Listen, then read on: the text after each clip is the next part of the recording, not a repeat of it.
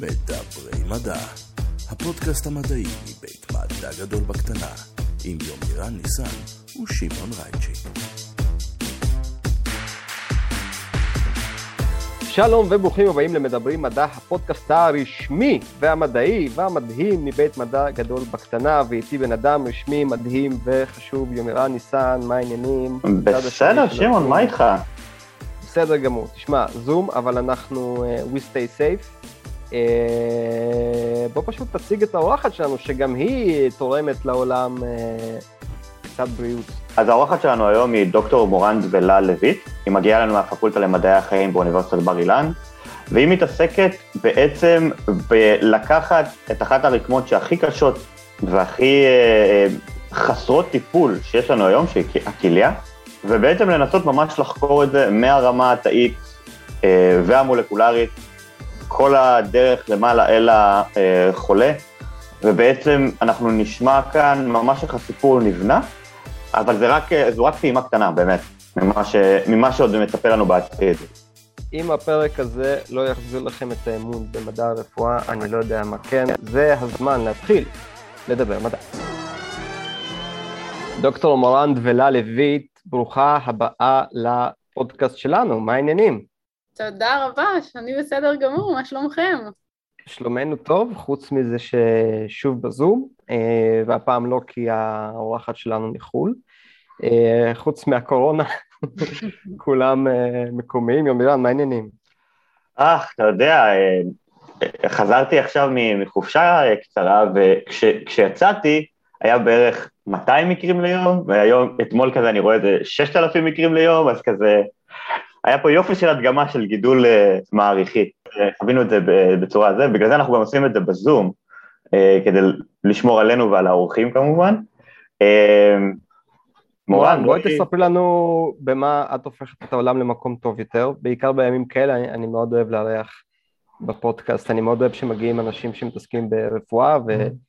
אה, תרופות למחלות, אז אה, בעיקר אחרי ויכוחים אין ספור ברשת, אז אה, בואי תספרי לנו על עיסוקך, על התחום שלך, ובכלל, החיים, שנלמד גם משהו אמיתי מהפודקאסט הזה.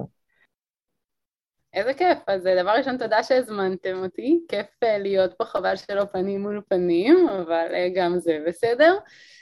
אז ככה, אז מה שאני עושה במעבדה זה שאנחנו חוקרים שאלה מאוד, שאלה ביולוגית מאוד בסיסית, והיא בעצם כיצד מיליוני החלבונים שלנו בתא, שנוצרים במיקום מאוד מסוים, מגיעים בסופו של דבר ליעדי המטרה שלהם, שיש המון יעדים כאלה בתוך התא ומחוצה לו, בהתאם לתפקידים השונים של החלבונים.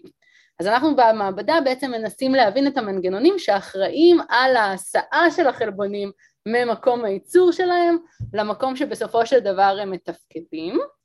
וחוץ מזה, מה שאנחנו עוד מנסים לעשות זה להבין מצבי מחלה שונים, שבהם בעצם ישנם שיבושים שונים ומשונים, שגורמים בסופו של דבר לחלבונים מסוימים להיתקע וליצור מה שאנחנו קוראים לו פקקי תנועה חלבוניים. אז אנחנו מנסים להבין אה, מה גורם לפקקי התנועה האלה ואיך אפשר לפתור אותם. אמ, וכמו שאתם בטח יודעים, פקקי תנועה חלבוניים כאלה מאפיינים המון מחלות שונות, אמ, מתחיל באלצהיימר וסכרת וסרטן ופרקינסון ו-ALS, כלומר כל המצבים האלה באמת מאופיינים בסופו של דבר באיזה שהם חלבונים משובשים שנתקעים בכל מיני מקומות שונים ומשונים, אה, והמטרה שלנו היא להבין בעצם איך זה נגרם ואיך לפתור את זה. מעולה. כשאת אומרת, אה, כמו שאתם יודעים, אה, את מתכוונת כנראה לחלק מהקהל פלוס יומירן. אה, אני לא יודע כלום ויש לי המון שאלות, אבל יומירן, שלך בטוח יהיו טובות יותר. לא, האמת היא שזה, אני פשוט רוצה לקחת את מורן טיפה שלב אחד אחורה, כשהיא דיברה על התנועה ואיך חלבון נוצר והכל. זה מדהים שאנחנו כבר אוטוטו 100 פרקים בפודקאסט, ומעולם לא דיברנו בעצם על שר... כאילו דיברנו המון על, על, על הרבה דברים שקשורים לחלבונים כאלו ואחרים, כמו שאתה מכיר את NF כפה B, כאילו אתה כבר אומר אותו כבר uh, בצורה חופשית. כן, אבל לא דיברנו על מסלול הייצור של חלבונים, בכלל, ואני חושב שזו אחלה הזדמנות שנייה רגע ללכת על הדבר המופלא הזה. דיברנו ש... קצת על, אה, על המבנה של החלבונים בפרק אה, עם פלג. ו... כן, וקצת עם דביר גם, כן. נכון, אבל. באמת השאלה הראשונה שעולה זה... איך חלבונים נוצרים? החלבונים האלה באים? נתת דוגמה למחלה, למחלות, אבל בואו ניקח אולי מקרה ספציפי ונכיר אותו מקרוב. Um, כן, אני רק רוצה להגיד שאנחנו, לא, לא הגעתי למצבי המחלה שאנחנו מתעסקים בהם, שזה באופן ספציפי מחלות כליה, אז אני אשמח שנתמקד אם כבר ב, uh, במחלות כליה או מחלת כליה ספציפי, אבל כן, אפשר לחזור uh, לבסיס של uh, איך חלבונים מיוצרים ו- ואיך זה קורה, אז um, אז כמו שאנחנו יודעים, חלבונים בעיקרון המידע הגנטי או הידע שעל פיהם הם נוצרים, אה, הוא נמצא בעצם אה, ב-DNA, שהוא מקודד על ידי חומצות הגרעין שנמצאים ב-DNA בתוך הגרעין. אה, מהגרעין בעצם יש לנו יצירה של רק מה שנצטרך בסופו של דבר להיות כחלבון, אנחנו צריכים לייצר מעין מצב ביניים, שיש לו גם תפקידים אחרים, שונים ומגוונים, אבל לא ניכנס לזה, שזה בעצם ה-RNA. אמ, שזאת המולקולת ביניים המתווכת בין אה, חומצות הגרעין לחלבונים, ואותו RNA הוא בעצם הקוד שלנו שמקודד למה שייווצר אה, לאחר מכן כחלבון, שיחידות הבסיס שלו הפעם הם חומצות אמינו, ולא נוקלאוטידים שבעצם הרכיבו את ה-DNA וה-RNA. אמ, אז החלבון בעצם מיוצר על ידי ריבוזומים, והריבוזומים האלה לרוב נמצאים אה, באזור הציטופלזמה, שהציטופלזמה זה בעצם מעין ההיקף, החלל של התא שבעצם אה, אה, מקיף את, ה, את, ה, את התא, את הגרעין, את העברונים השונים בתא, ושם בעצם נמצאים הריבוזומים ושם בעצם מתבצע ייצור החלבונים מתוך אותו קוד גנטי, אותו קוד אה, RNA. יש לי פלשבק לסדרה החיים, אבל בגדול, כאילו. כן, חכה, היא הולכת להגיע לרשת האנדופלזמית. חכה, היא הולכת להגיע לרשת האנדופלזמטית עוד שנייה, ואז כאילו זה כבר מתחיל להיות יותר מגניב. אה, נכון, ובעצם על החלבונים מופיע איזשהו מידע או, או מקודד מידע מסוים, שמקודד כמובן גם ב-RNA וגם ב-DNA, לגבי איזשהו מידע שמעיד על המיקום של החלבונים שלנו. למשל חלבונים שמאוד מעניינים את המעבדה שלי באופן ספציפי הם חלבונים שנקראים חלבונים סקרטוריים או חלבונים שבסופו של דבר שייכים למערכת ההפרשה. אמ, יש בהם בעצם איזשהו סיגנל שמקודד ואומר למערכת בעצם שהם צריכים להגיע ולהמשיך את הייצור שלהם, את הסינתזה שלהם ברשתית האנדופלזמטית או באנדופלזמיק רטיקולום, כמו שאנחנו קוראים לו, ושם בעצם אה, מתבצע מרבית ייצור החלבונים האלה. אה, מהי אותה רשתית נאופלזמטית? רשתית אנדופלזמטית. לא, לא, לא, זה השם עכשיו, אני שיניתי. אמ, אז אה, אנחנו יכולים גם לקצר את השם של זה עוד יותר, האנדופלזמיק רטיקולום, או בקיצור ה-ER, שיהיה לנו הרבה יותר קל. אמ, זה בעצם מעין מפעל גדול לייצור חלבונים. אה, שם בעצם מתבצע ההמשך של הסינטוז או של היצירה של כל החלבונים האלה שהזכרתי ששייכים למערכת הסקרטורית או כל החלבונים שצריכים להיות או מופרשים החוצה או מבוטאים על הממברנה או מבוטאים בכל אחד מהעברונים השונים בתא, זה בעצם המפעל שמייצר את החלבונים האלה. וחוץ מלהיות מפעל שמייצר את החלבונים האלה, אותו עברון מאוד חשוב, ה-ER, האנדופלזמיק רטיקולום, אחראי בעצם גם על איזושהי בקרה של אה, אה, אותם חלבונים, בעצם יש לו תפקיד מאוד מאוד מאוד חשוב לוודא בעצם שהחלבונים שמיוצרים הם חלבונים תקינים, יש לו תפקיד במעין בקרת איכות, הוא עושה את ה-quality control שלנו, של החלבונים בתא, בודק שהחלבונים האלה תקינים, מקופלים נכון, יכולים אה, אה, לפעול נכון, ואז הוא מרשה לעצמו לשלוח אותם הלאה להמשך אה, מסלול היעד אז, שלהם. אז הוא החלק במפעל שאחראי על הייצוא בעצם, ששמים שם את החלקים הכי טובים ואת הפירות הכי יפים. נכון. זה השלב הבא. נכון מאוד. אמ, אז, אז כן, אז יש לו, יש לו תפקיד גם בייצור אותם החלבונים וגם בבקרת האיכות, ויש שם הרבה חלבונים שהם מעורבים ב, בכל התהליך הזה, וברגע שיש לנו בעצם חלבון שעבר את כל השלבי הבקרה האלה וכדומה, אז אה, בעצם החלבון הזה צריך להיארז אה, במה שנקרא וזיקולה או מעין שלפוחית כזו שבוחרת את החלבונים הטובים שיש לנו ואת החלבונים שצריכים לצאת החוצה והווזיקולה הזאת היא זאת שתעביר את החלבונים ליעד הבא שלהם שזה בעצם אה, הגולג'י שגם בו יש תהליכים נוספים שמתרחשים אה, בעצם בעיבוד החלבונים, בשינוי, הוספת כל מיני סוכרים אה, אה, שעוזרים לתפקוד שלהם, ובהמשך הם מועברים ליעד שלהם באשר הוא, אם זה בממברנה של התא או מחוצה לה, או לאן שהם צריכים להגיע בהמשך. אני, אני רק יכול להוסיף משפט? Mm-hmm.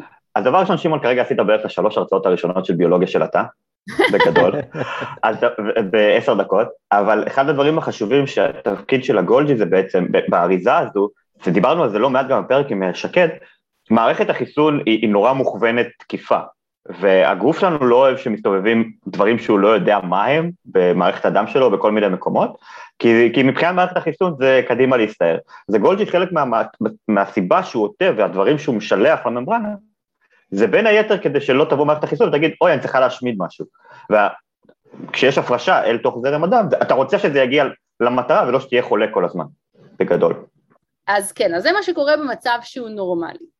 אבל ישנם הרבה אה, מצבי מחלה שונים בעצם, שיש לנו חלבונים אה, הרבה פעמים זה קורה שאו שיש איזה שהם כשלים במערכת ההסעה הזאת, במערכת שאחראית בעצם להוביל את החלבונים ממקום למקום, או שיש פשוט כשלים בחלבונים עצמם, החלבונים עצמם הם חלבונים כאלה שיש בהם איזושהי מוטציה, איזשהו פגם, אותו חלבון לא מתקפל כמו שצריך, לא יכול לתפקד כבר כמו החלבון הנורמלי.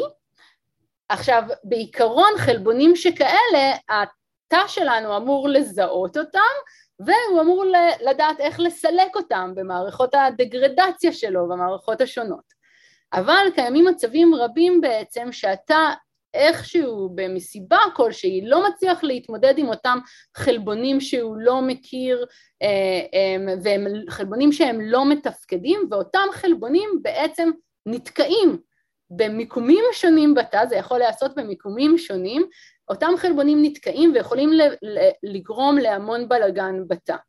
אה, סיבה אחת זה בגלל שנניח אם אותו חלבון הוא חלבון חיוני והוא לא מתפקד אז מן הסתם יש לנו מה שאנחנו קוראים loss of function של החלבון, החלבון מאבד את התפקיד הנטיבי שלו, התפקיד שהוא אמור לעשות אה, ואז אנחנו מקבלים מצב מחלה. אבל יש לנו גם מצבי מחלה אחרים שזה המצבי מחלה שיותר מעניינים את המעבדה שלנו שבהם בעצם יש איזשהו gain of function. אנחנו מקבלים איזשהו אה, אה, הוספה של תפקיד או תפקיד חדש או משהו, מצב מחלה שמיוצר בעצם בגלל איזשהו תפקיד חדש של החלבון הזה שהוא טוקסי. חלבון מסוים ששוב לא מתקפל נכון, מצטבר לנו איפשהו בתא ויכול ליצור בעצם אה, אה, כשלים או טוקסיות של התא כפי שציינתי אותו gain of function, למה? כי יכול להיות שהוא משבש תפקוד של חלבונים אחרים, פתאום חלבונים כאלה שהם לא מקופלים כמו שצריך, הרבה פעמים יש להם נטייה להיות חלבונים נורא דביקים, ואז הם יכולים לקשור אליהם חלבונים אחרים ולהפריע לתפקוד שלהם. או רק כאשר באמת העובדה שיש לי איזושהי הצפה של איזשהו חלבון לא תקין שאתה צריך אה, אה, אה, להתמודד איתו ומערכות, המערכות בתא, מערכות הבקרה כל הזמן עסוקות באותו חלבון אנחנו יכולים לחשוב על מצב כזה שאולי במצב הנורמלי זה בסדר פחות או יותר ואתה יכול לשמור על הראש מעל המים אבל ברגע שיבוא איזשהו מצב של סטרס או משהו נוסף זהו, אתה, אותו תא כבר לא יוכל להתמודד עם הבעיה הזאת ואנחנו נקבל איזשהו כשל בעצם ואולי אה, מוות של אותם תאים שלא יכולים להתמודד עם אותה הגירה של חלבונים משובשים שיוצרים את אותם פקקי תנועה. כלומר, את מדברת פה על תופעה שקורית ביותר מתא אחד. נכון. את מדברת פה על משהו שהוא למרות שהוא פנים-תאי, זאת אומרת זה איזושהי, איזשהו תפקוד לא נכון של מנגנוני התא. אה, המחלות שאת מדברת עליהן הן אה, אוסף של תאים שמתפקד עם אותו פגם.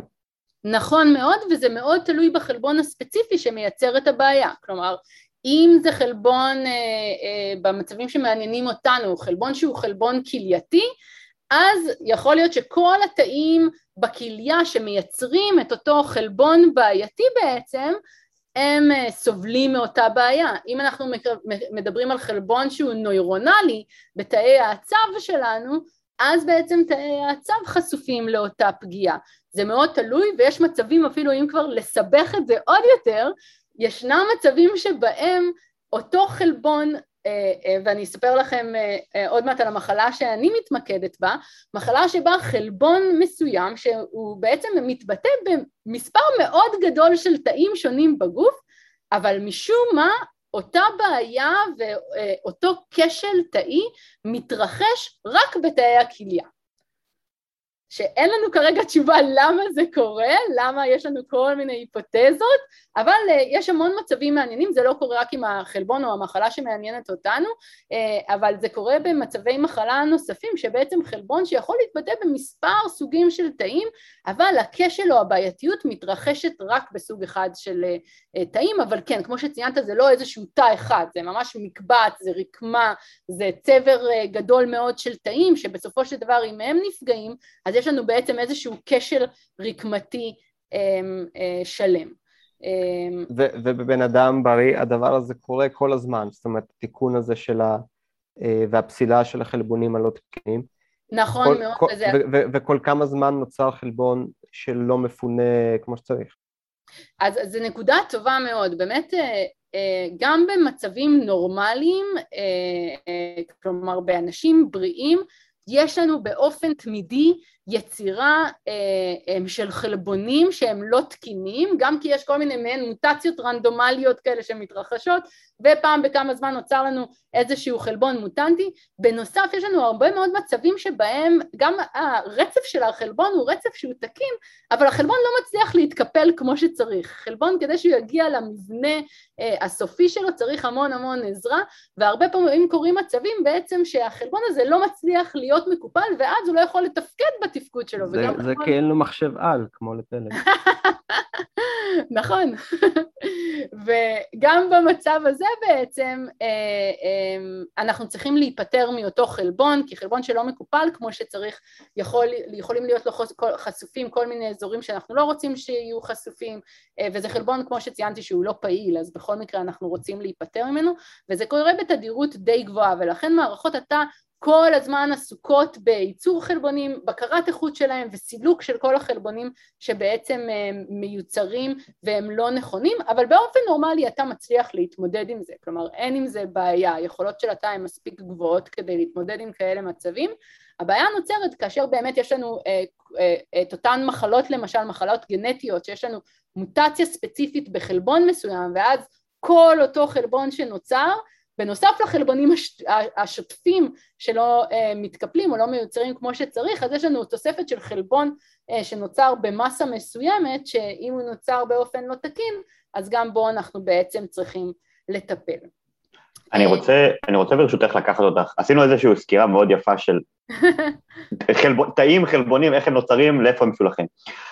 את אבל מתעסקת בעצם, נקרא לזה באיבר, באחד האיברים אולי הכי חשובים ומפורסמים וידועים, אה, את יודעת, במיוחד היום בעולם המערבי, אה, כאיבר שיש לו נטייה מסוימת להתקלקל. אז בואי תספרי לנו עליו, מה מיוחד בו, ו... ואז נתכנס חזרה, חזרה אל התאים והחלבונים. מעולה, מעולה. אז, אז נכון, האיבר שאני מתעסקת בו זה בעצם הכליה. Um, הכליה היא, כמו שאתם יודעים, איבר בגודל של פחות או יותר אגרוף שנמצא משני צידי עמוד השדרה שלנו, ויש לו תפקיד מאוד מאוד חיוני בגוף. התפקיד של הכליה... להחזיק את המוסר שלנו. נכון. אמ, אז התפקיד של הכליה הוא בעצם אה, לשמור על הומאוסטזיס, או על איזון, על שיווי משקל אה, של הרכב הדם בגוף שלנו. כלומר, הדם הוא בסופו של דבר זה שהולך להזין את אה, כל איברי הגוף השונים. אמ, וכמו שאתם יודעים אנחנו חשופים כל הזמן לסביבה שהיא ולמצבים מאוד מאוד משתנים. כלומר אנחנו אוכלים דיאטה שהיא שונה ומשונה אנחנו עושים פעילות או לא עושים פעילות אנחנו חשופים לתרופות חשופים לטוקסינים אמ, אנחנו כל הזמן חשופים לשינויים שעלולים להשפיע בעצם על הרכב הדם שלנו. התאים, האיברים השונים בגוף שלנו, הלב, המוח, אה, השרירים, הם צריכים בסופו של דבר שיהיה להם הספק מאוזן אה, אה, של אותו דם שמגיע להזין אותם.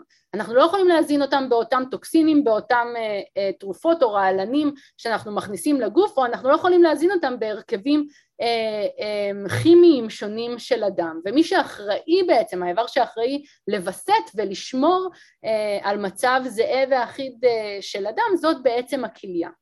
איך היא עושה את זה? במשך כל יום מסוננים בסביבות ה-180 ליטר של דם דרך אותו איבר. ומה שהכליה בעצם עושה זה שהיא מסננת את אותו הדם ובאמצעות מערכת מאוד מורכבת שנקראת אה, נפרונים, שזה בעצם הצינוריות שמרכיבות את הכליה, אותו אה, מבנה בסיסי שמרכיב את הכליה, שיש לנו פחות או יותר מיליון נפרונים כאלה בכל כליה, אז אותם נפרונים, אותם צינוריות שדרכן עובר הדם המסונן, הם אחראים בעצם לברור מה האלמנטים שאנחנו מעוניינים להשאיר בדם ולהחזיר ולהזין עם זה את כל איברי הגוף ומה הם בעצם ה-waste או הפסולת או הרעלנים שאנחנו מעוניינים לקחת ולהוציא החוצה, וזה כמובן יוצא דרך השתן בסופו של דבר. כלומר, זה סינון חכם, זה לא סינון על סמך גודל או... זה ממש סינון אה, שבו חלבונים צריכים להיכשל לחלבונים אחרים או לחומרים אחרים ולהגיד אותך ספציפית אני לא רוצה בזרם הדם שלי. נכון, זאת שאלה מעולה, יש לנו בעצם מעין שני שלבים באותו סינון, השלב הראשון הוא סינון כמו שציינת בעיקר לפי הגודל שבו דברים גדולים באמת כמו חלבונים שאנחנו לא רוצים שהם יסתננו דרך השתן אז הם באמת אה, נשארים בתוך הדם והם בכלל אה, לא, לרוב לא מגיעים לתוך אה, הצינוריות, לתוך אותם נפרונים, אז זה בעצם הסינון הראשוני שיש מערכת מאוד מורכבת שאחראית עליו, ולאחר מכן שיש לנו את הניסוי סינון באמת בעיקר על פי אה, גודל, יש לנו בעצם הפרשה וספיגה מאוד מאוד מדוקדקת של דברים ספציפיים של אותם אה, אה, אה, מולקולות ספציפיות שאנחנו רוצים לספוג, אם זה סוכרים, אם זה יונים מסוימים שאנחנו רוצים לקחת ולהחזיר אל הדם ואנחנו בעצם מוציאים, לא מכניסים לדם ואפילו מפרישים החוצה דברים שיש לנו ביתר או בעודף וכל מיני דברים שאנחנו רוצים בעצם להפריש ולהיפטר מהם ולא רוצים שיחזרו החוצה אל הדם. אז הכליה בעצם אחראית על כל התפקוד הזה של הסינון והפרשה וספיגה, בין היתר היא אחראית גם על אה, אה, ייצור והפרשה של הורמונים מסוימים, שלא ניכנס אה, גם לזה, וכמובן גם היא דואגת לדאוג למאזן המים, שיהיה לנו כמות מסוימת של נוזלים בגוף ולהפריש את יתר הנוזלים שהם בעצם עודפים. אז זה התפקיד של הכליה וזה נעשה על ידי באמת מערכת מורכבת, היום אנחנו יודעים שיש לנו אה, יותר מ-25 סוגים שונים של תאים בכליה, שזה באמת מערכת מאוד מאוד מורכבת וסופר מעניינת שעושה את, ה, אה, את העבודה הזאת. אמ, אוקיי, אז זה, זה בעצם תפקיד הכליה וזה מה שקורה כשהכליה היא תקינה ומתפקדת. אבל מה קורה כשיש לנו בעצם איזשהו אה, כשל או איזושהי בעיה, כמו כפי שציינתי אה, כאשר אה, יש לנו איזושהי הצטברות או פקק תנועה חלבוני שכזה אה, בתאים מסוימים בכליה או כל פגיעה אחרת, מה שקורה זה שבמידה ואנחנו פוגעים ה, בתאי הכליה ברמה כזאת שתאי הכליה לא יכולים לתפקד יותר, אז אתם יכולים לתאר לעצמכם שבעצם אותו, אותו בעצם תפקוד של הפרשת כל הגורמים הרעילים ושמירה על איזון מאוד מאוד מדוקדק של כל האלקטרוליטים וכל החומרים שיש לנו בגוף לא יכול להישמר. ומה שקורה זה בעצם שהדם שנכנס לכליה עם אותו הרכב, עם אותם עודפים, עם אותם פסולת, עם אותם טוקסינים, בעצם חוזר חזרה והוא זה שמזין בעצם את יתר איברי הגוף. אז מה שאומר זה שבעצם אם הכליה מפסיקה לתפקד וכושלת, מה שנקרא כשל כלייתי, אז זה אומר בעצם שכל איברי הגוף כושלים, המוח, הלב, השרירים, הכל כושל כי בעצם כל הדם שמגיע להם הוא דם עם פסולת, הוא דם שמזין בעצם, דם שהוא לא נקי ולא מאוזן, שמזין חזרה את האיברים האלה והאיברים האלה לא יכולים לתפקד כאשר אין להם הרכב דם מסוים ולכן לכליה בעצם יש תפקיד מאוד מאוד חיוני.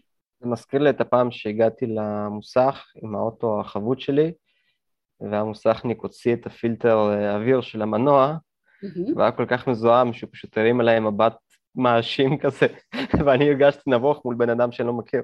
אז, אה, אז כזה, תנקו את, ה, תנקו את הכליות שלכם, אה, אלא אם כן יש לכם כמובן בעיה לפנות את החלבונים.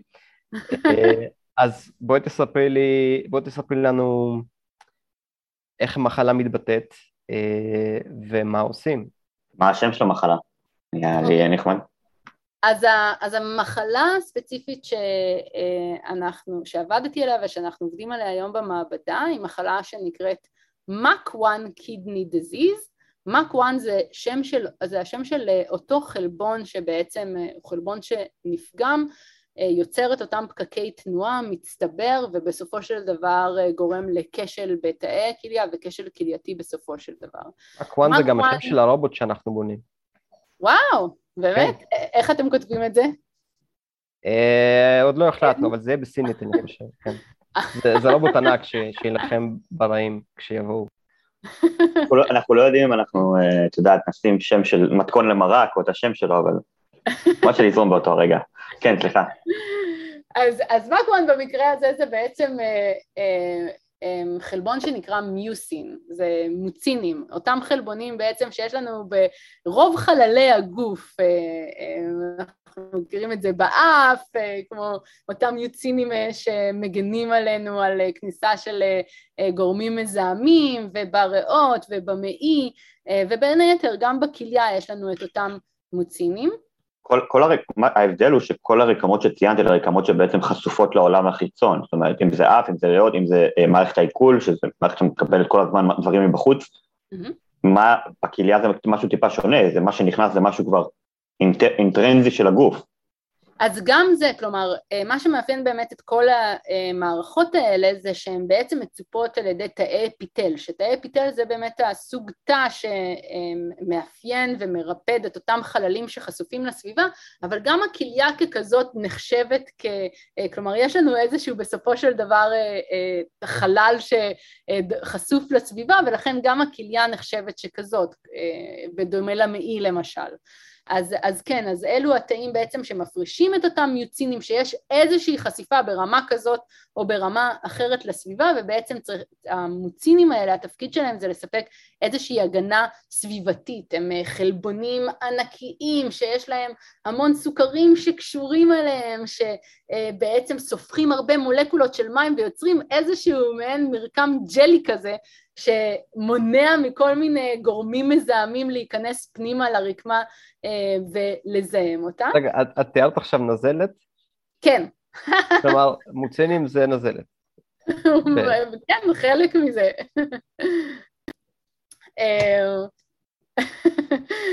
אה, אה, כן. חיכיתי לראות באיזה שלב כאילו תשאל את זה, בגלל זה כאילו רק חייכתי כאן ברקע. כן, סליחה. לא, כי... חשבתי שזה היה ברור מאליו, כן, ניסיתי לא, להגיע לשם. לא, נפל לי האסימון לשנייה, גם מיוקוס זה מגיע מזה, זה מגיע מאותה כן. מילה. זה המיוקוס, כן. מדהים, מדהים, אנחנו סובבים פה היום אה, מעגלים כאלה. אז אותו מיוקוס בעצם, אה, אותו מיוסין זה אותו מיוסין שבעצם הוא מוטנטי והוא נפגע באותה מחלת כליה.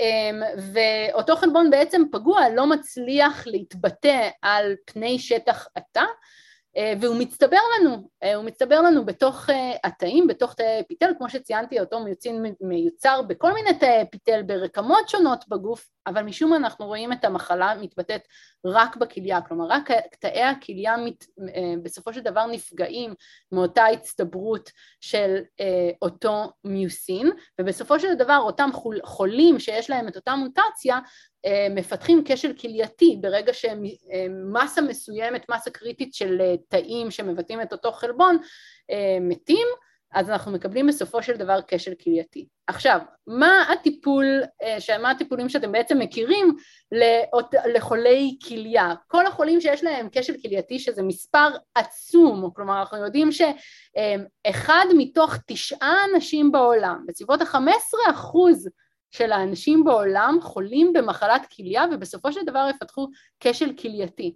כלומר זה באמת אה, אה, מספר שערורייתי ומשהו שבאמת צריך לטפל בו. ומה הטיפולים שיש לנו היום כיום להציע לאותם חולים אה, שייכנסו או שנכנסים לכשל כלייתי? דיאליזה. דיאליזה, אבל כן. דיאליזה, בדיוק, דיאליזה זה אחד האופציות, ומה האופציה השנייה? אנליזה. אני מניח, ש... אני מניח שאיזושהי תרופה כלשהי אולי, איזשהו טיפול תרופתי כלשהו. אז לצערי ממש לא. האופציה השנייה היא השתלת כליה, שזו דווקא האופציה היותר טובה, אמ, אה, אבל היא הרבה יותר בעייתית, כמו שאתם בוודאי מתארים לעצמכם.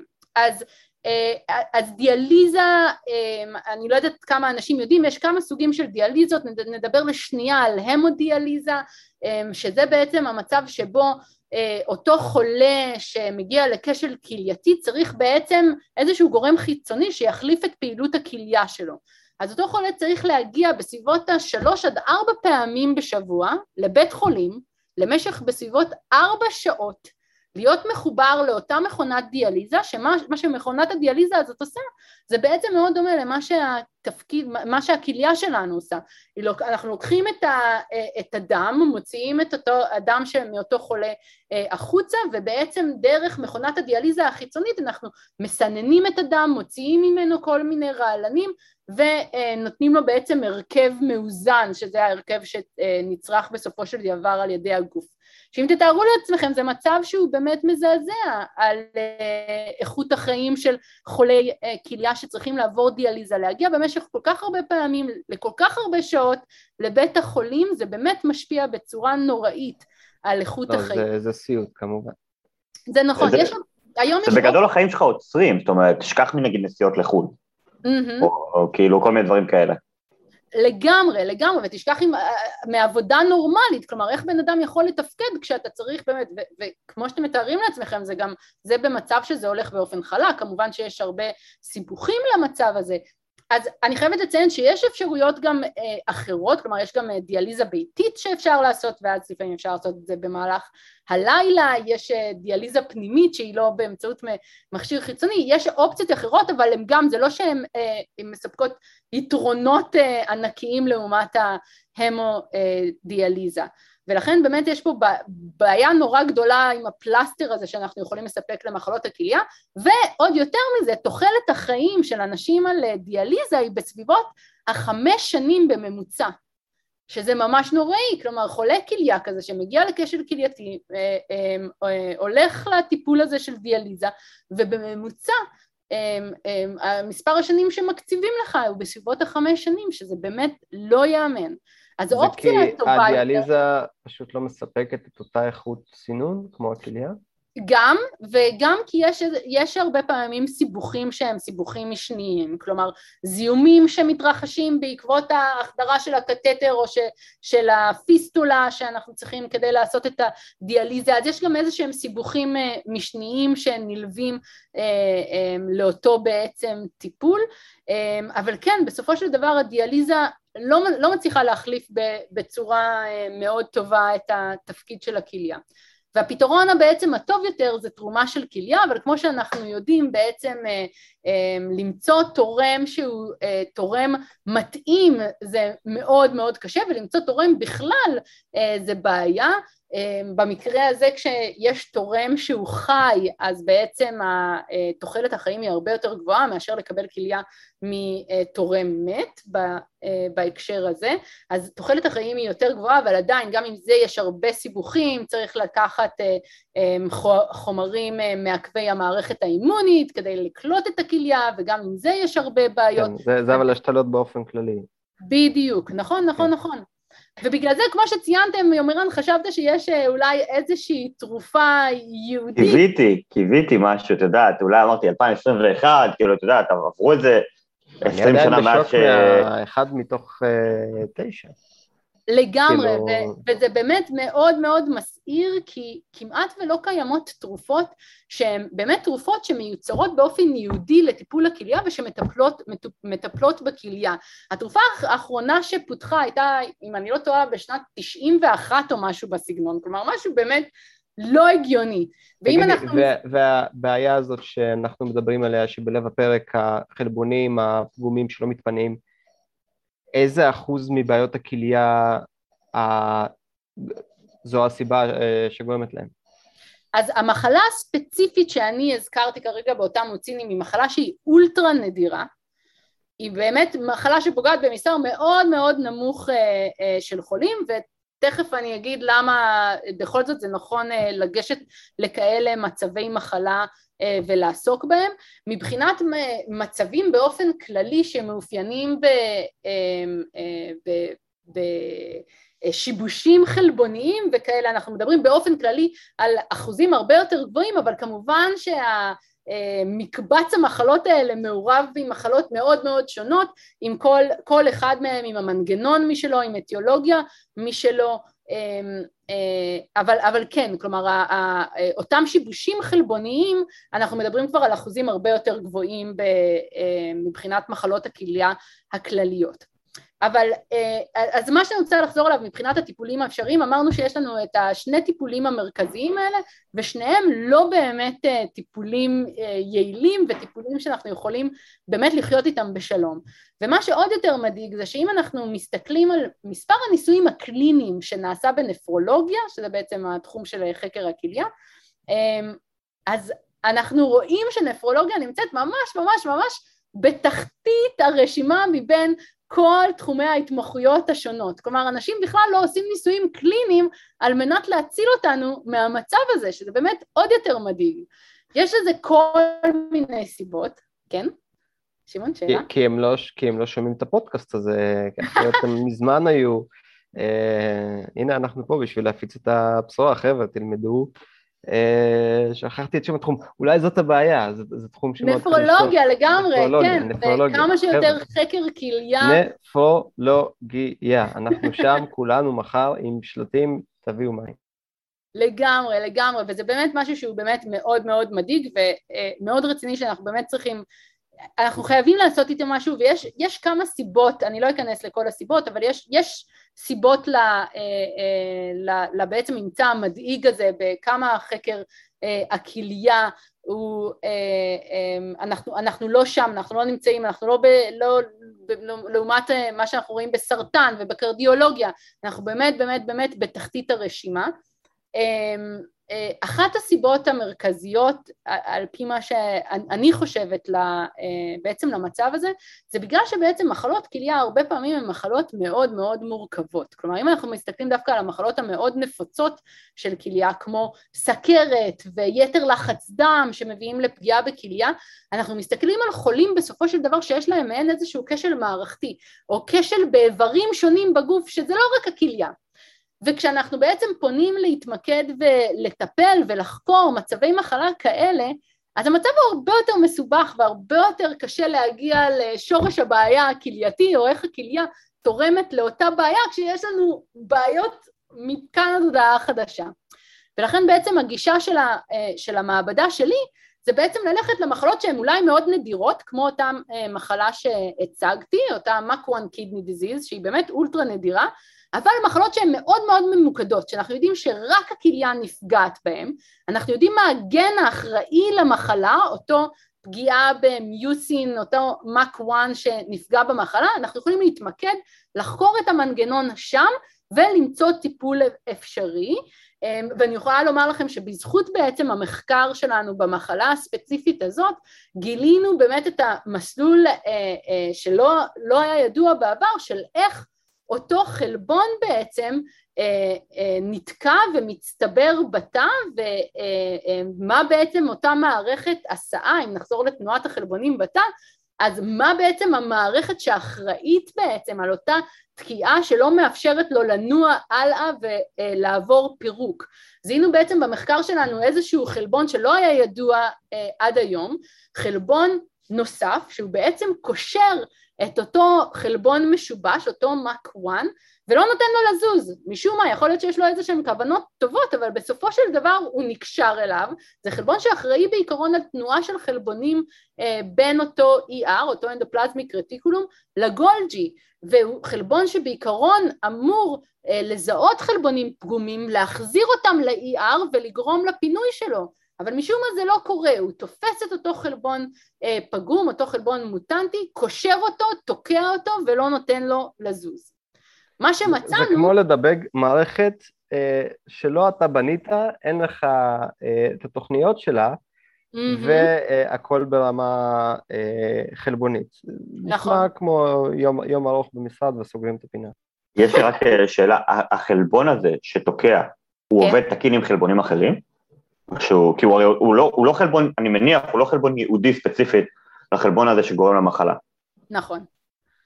Uh, ככל הנראה, וזאת שאלה מעולה, בגלל שבאמת uh, זיהינו אותו רק לאחרונה, לצערי uh, לא קיים המון מידע בספרות לגבי אותו חלבון, ואנחנו לא יודעים כרגע בעצם מה הסובסטרטים הטבעיים שלו, או מה המטען שהוא בדרך כלל אמור להסיע, ולכן אני לא יודעת כל כך לענות על השאלה הזאת, האם הוא עושה את התפקיד שלו אה, חוץ מזה כמו שצריך או לא, וזה בעצם אחד המטלות של המעבדה, בעצם להבין מה החלבון הזה עושה שם באופן כללי, כשאין מצב מחלה, או איך מה, הוא מתפקד. מה השם של החלבון? אנחנו אוספים פה שמות. אז החלבון נקרא TMED9, או TIMED 9 כמו שאנחנו קוראים לו. אז טימד 9 זה אותו חלבון של, אה, הוא בעצם אחראי על הסעת חלבונים מצד אחד לצד השני, אבל במקרה הזה, אה, במחלה הספציפית הזאת, הוא נקשר לאותו חלבון משובש והוא פשוט תוקע אותו במקום להניע אותו הלאה. אה, ומה שמצאנו באופן מעניין, עשינו איזושהי סריקה של המון תרופות שונות, בהקשר הזה זה נושא צדדי אבל מעניין בפני עצמו, השתמשת בספריית אה, חומרים שהיא בעצם חומרים שמאושרים, אה, רובם מאושרים לשימוש על ידי ה-FDA או, חל... או, או אה, לא חלבונים, סליחה, תרופות, או תרופות שהן בדרכם להיות מאושרים והמחשבה הייתה בגלל שאנחנו מתעסקים פה באיזושהי מחלה מאוד מאוד נדירה אנחנו לא נצליח לגייס את הכספים והמשאבים לייצר תרופה בעצם מאפס ולכן אנחנו נעבוד כבר עם תרופות קיימות ונראה עם תרופות שאנחנו יודעים מה התופעות לוואי שלהם, איך להשתמש בהן, ננסה בעצם להשליך אותם למחלה הזו. אז זיהינו איזושהי תרופה שהיא עובדת באופן פנומנלי על בעצם לקחת את אותו אה, חלבון מסיע פלוס החלבון המשובש, אותו MAC1, מיוסין 1 שקשור אליו, היא לוקחת את כל הקומפלקס הזה ומסיעה אותו לבעצם הפח זבל של התא, הליזוזום, אה, אה, איפה שהרבה חלבונים או קומפלקסים גדולים של חלבונים או עברונים מתפרקים בעצם בתא. אז התרופה הזאת פשוט לוקחת את כל הקומפלקס הזה, החלבון המסיע, החלבון המוסע, ומסיעה אותם ביחד אל הליזוזום, ששם בעצם כל הדבר הזה עובר פירוק. איך בדקתם את זה? מה זה? איך בדקתם את זה? על מי? על מה? על כמה? אה, אז אה, אוקיי, אז זאת אה, אז השאלה מעולה. אז יש פה בעצם כמה מרכיבים. דבר ראשון, מה המודל שהשתמשנו בו? אז המודל שהשתמשנו בו, שזה באמת נעשה ב...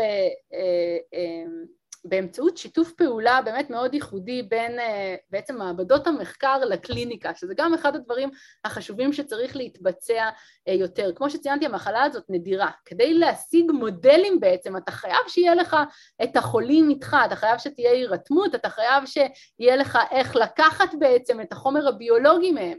ובמקרה הזה באמת היה לנו, יצרנו קשר עם, אה, אה, אה, עם, עם רופאים שהם מתמחים במחלה וב, ובאמצעות זה בעצם ייצרנו גם איזשהו מאגר מידע של חולים בעצם, שהיה לנו ממש איך לפנות אליהם ואיך לתקשר אליהם, איך לתקשר איתם, וראינו שיש באמת מן הסתם המון רצון טוב מצד החולים להשתתף במחקר. ובאמצעות זה בעצם השגנו אחד החולים שעבר השתלת כליה, ובמקרה הזה, אני לא יודעת אם ידעתם, אבל סתם פרט מעניין, כשעושים השתלת כליה, אז זה לא שמוציאים כליה ומחליפים אותה בכליה המושתלת, אלא כל, רוב מושתלי הכליה יש להם פשוט שלוש כליות, שזה מעניין. Oh my God. הנה, זה, זה ילך ל... אה, לכותרת אה, החדשנות של ה... הכליה השלישית שלי, כן. בדיוק. אז okay. במקרה הזה, במקרה החולה הספציפי הזה שעשו לו את ההשתלה, אז אה, הכליה שלו הייתה במצב מאוד מאוד רע, היו לה המון ציסטות וכדומה, ולכן באופן מיוחד היו צריכים להוציא לו את הכליה הפגועה ולשים לו את הכליה המושתלת. כשהוציאו לו את הכליה הפגועה בעצם אנחנו יכלנו לקחת את הרקמה בעצם, אותה רקמה פגועה, ולייצר מזה אה, שלל אה, בעצם אה, מאגרי מידע שונים. יכולנו לייצר אה, אה, סליידים שעליהם הייתה לנו את הרקמה ולהסתכל על איך היא נראית ואיך היא מתפקדת. אבל מה שחשוב לענייננו זה שבעצם יכולנו לקחת מהכליה הזאת תאים בודדים, להפריד אותם ולגדל אותם, אנחנו, הם עוברים תהליך שלם במעבדה, אנחנו עושים להם אימורטליזציה, אנחנו עושים להם איזה שהם שינויים גנטיים כך שהם יוכלו בעצם לחיות לעד ונוכל להשתמש ולחקור אותם ולראות בעצם מה מנגנון המחלה ואיך לטפל בו. וזה בעצם אחד מהמודלים המרכזיים שבהם השתמשנו על מנת אה, אה, לחקור את אותן אה, תרופות ואת אותם מנגנונים. אז השתמשנו בעצם באותם תאים שמבטאים את אותו חלבון בעייתי, ומה שעשינו זה פשוט חשפנו את אותם תאים לאלפי תרופות השונות שהיו לנו בספריית התרופות, וראינו מי מהתרופות מצליחה לסלק את אותו חלבון מוטנטי. אז השאלה הייתה מאוד פשוטה, מאוד נקודתית, מי מהתרופות מסלק את החלבון המוטנטי, וכך בעצם בסופו של דבר, אחרי תהליך די ארוך, הגענו לתשובה. ברוט פורס לפנים. אה, אני חייבת לציין שמודל נוסף מעניין שייצרנו אה, באמצעות אותו, באמת אותו קשר אה, עם החולים, זה מאוד, מודל מאוד מעניין של בעצם אורגנואידים של כליה. אני לא יודעת עד כמה דיברתם על מערכת מודל, ש... אותה מערכת מודל שנקראת אורגנואידים, אבל מדובר בעצם על היכולת לקחת תאים מאדם, אז אנחנו מדברים פה באמת על מערכת שהיא אנושית, שבהקשר הזה אנחנו יכולים לקחת אה, תאי עור למשל, שזה נורא פשוט, כלומר זה לא מאוד חודרני, או תאי דם או אפילו תאי שתן, אמ, ואנחנו יכולים לעשות להם בעצם מעין תכנות מחדש.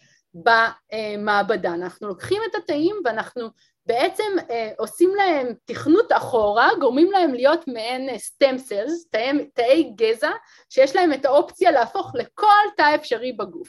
אז זה השלב הראשון, ומפה אנחנו בעצם יכולים לייצר איברים שונים.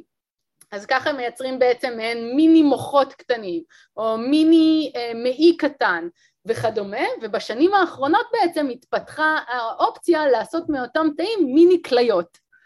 וואו, אה, ימירן, זה הלך ממדעי למדע בדיוני תוך אה, חמש עשרה שניות. חכה, חכה, היא עדיין לא התחילה, תן לה שנייה. לא, לא, לא, אנחנו, הלוואי והייתי יכול לתת לך עוד שעה לדבר על הדברים האלה, אבל קודם כל את צריכה לפני סוף הפרק להגיד לנו איזו תרופה מצאתם שפותרת את הבעיה.